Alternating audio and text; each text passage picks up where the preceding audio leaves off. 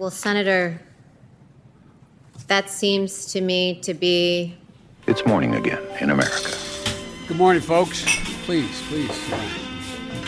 Come on, let's go. Let's go get some coffee. Thank you very much.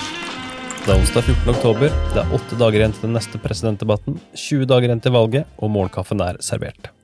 Aller først, vi er ute med en ny episode av 2020, der vi tar for oss Bidens mange merkelige utsagn om dagen, våre nye stalltips og ikke minst den pågående høyesterettshøringen i Senatets justiskomité. Og flyplassfolkemøter. Donald Trump er i full valgkampvigør igjen. Presidenten var tirsdag kveld i Pennsylvania, og onsdag kveld står Iowa for tur. Torsdag bærer det videre til North Carolina, mens fredagen settes av til Florida og Georgia. Alle arrangementene holdes på flyplasser. Dagens første sak, Barrett-høringen dag to.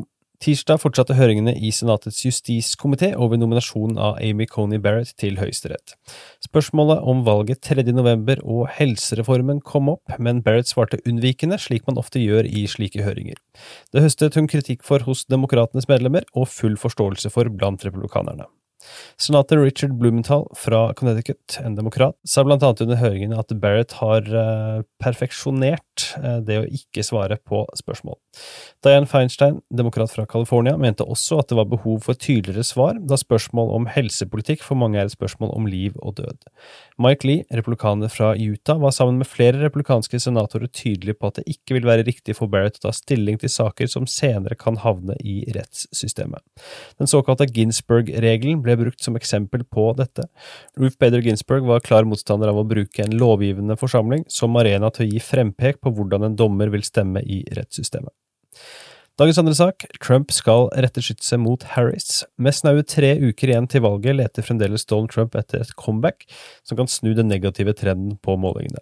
Ifølge AP skal en ny del av taktikken være å gå hardere etter Bidens visepresidentkandidat Kamala Harris. Bakgrunnen er tanken om at for mange uavhengige og republikanske velgere er relativt komfortable med moderate Joe Biden som president.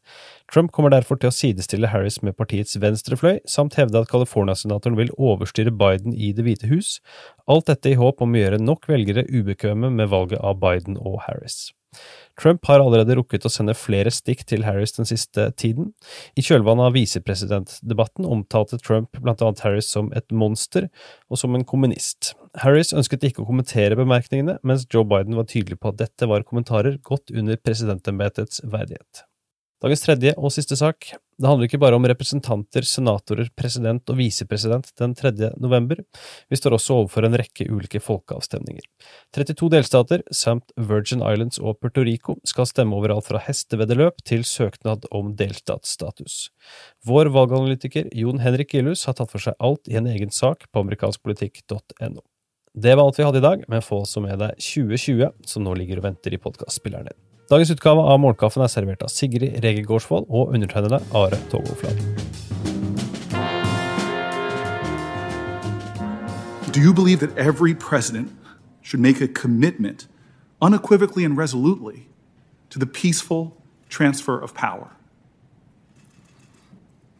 Well, Senator, that seems to me to be pulling me in a little bit into this question of whether the president has said that he would not peacefully leave office. And so, to the extent that this is a political controversy right now, as a judge, I want to stay uh, out of it and I don't want to express a view on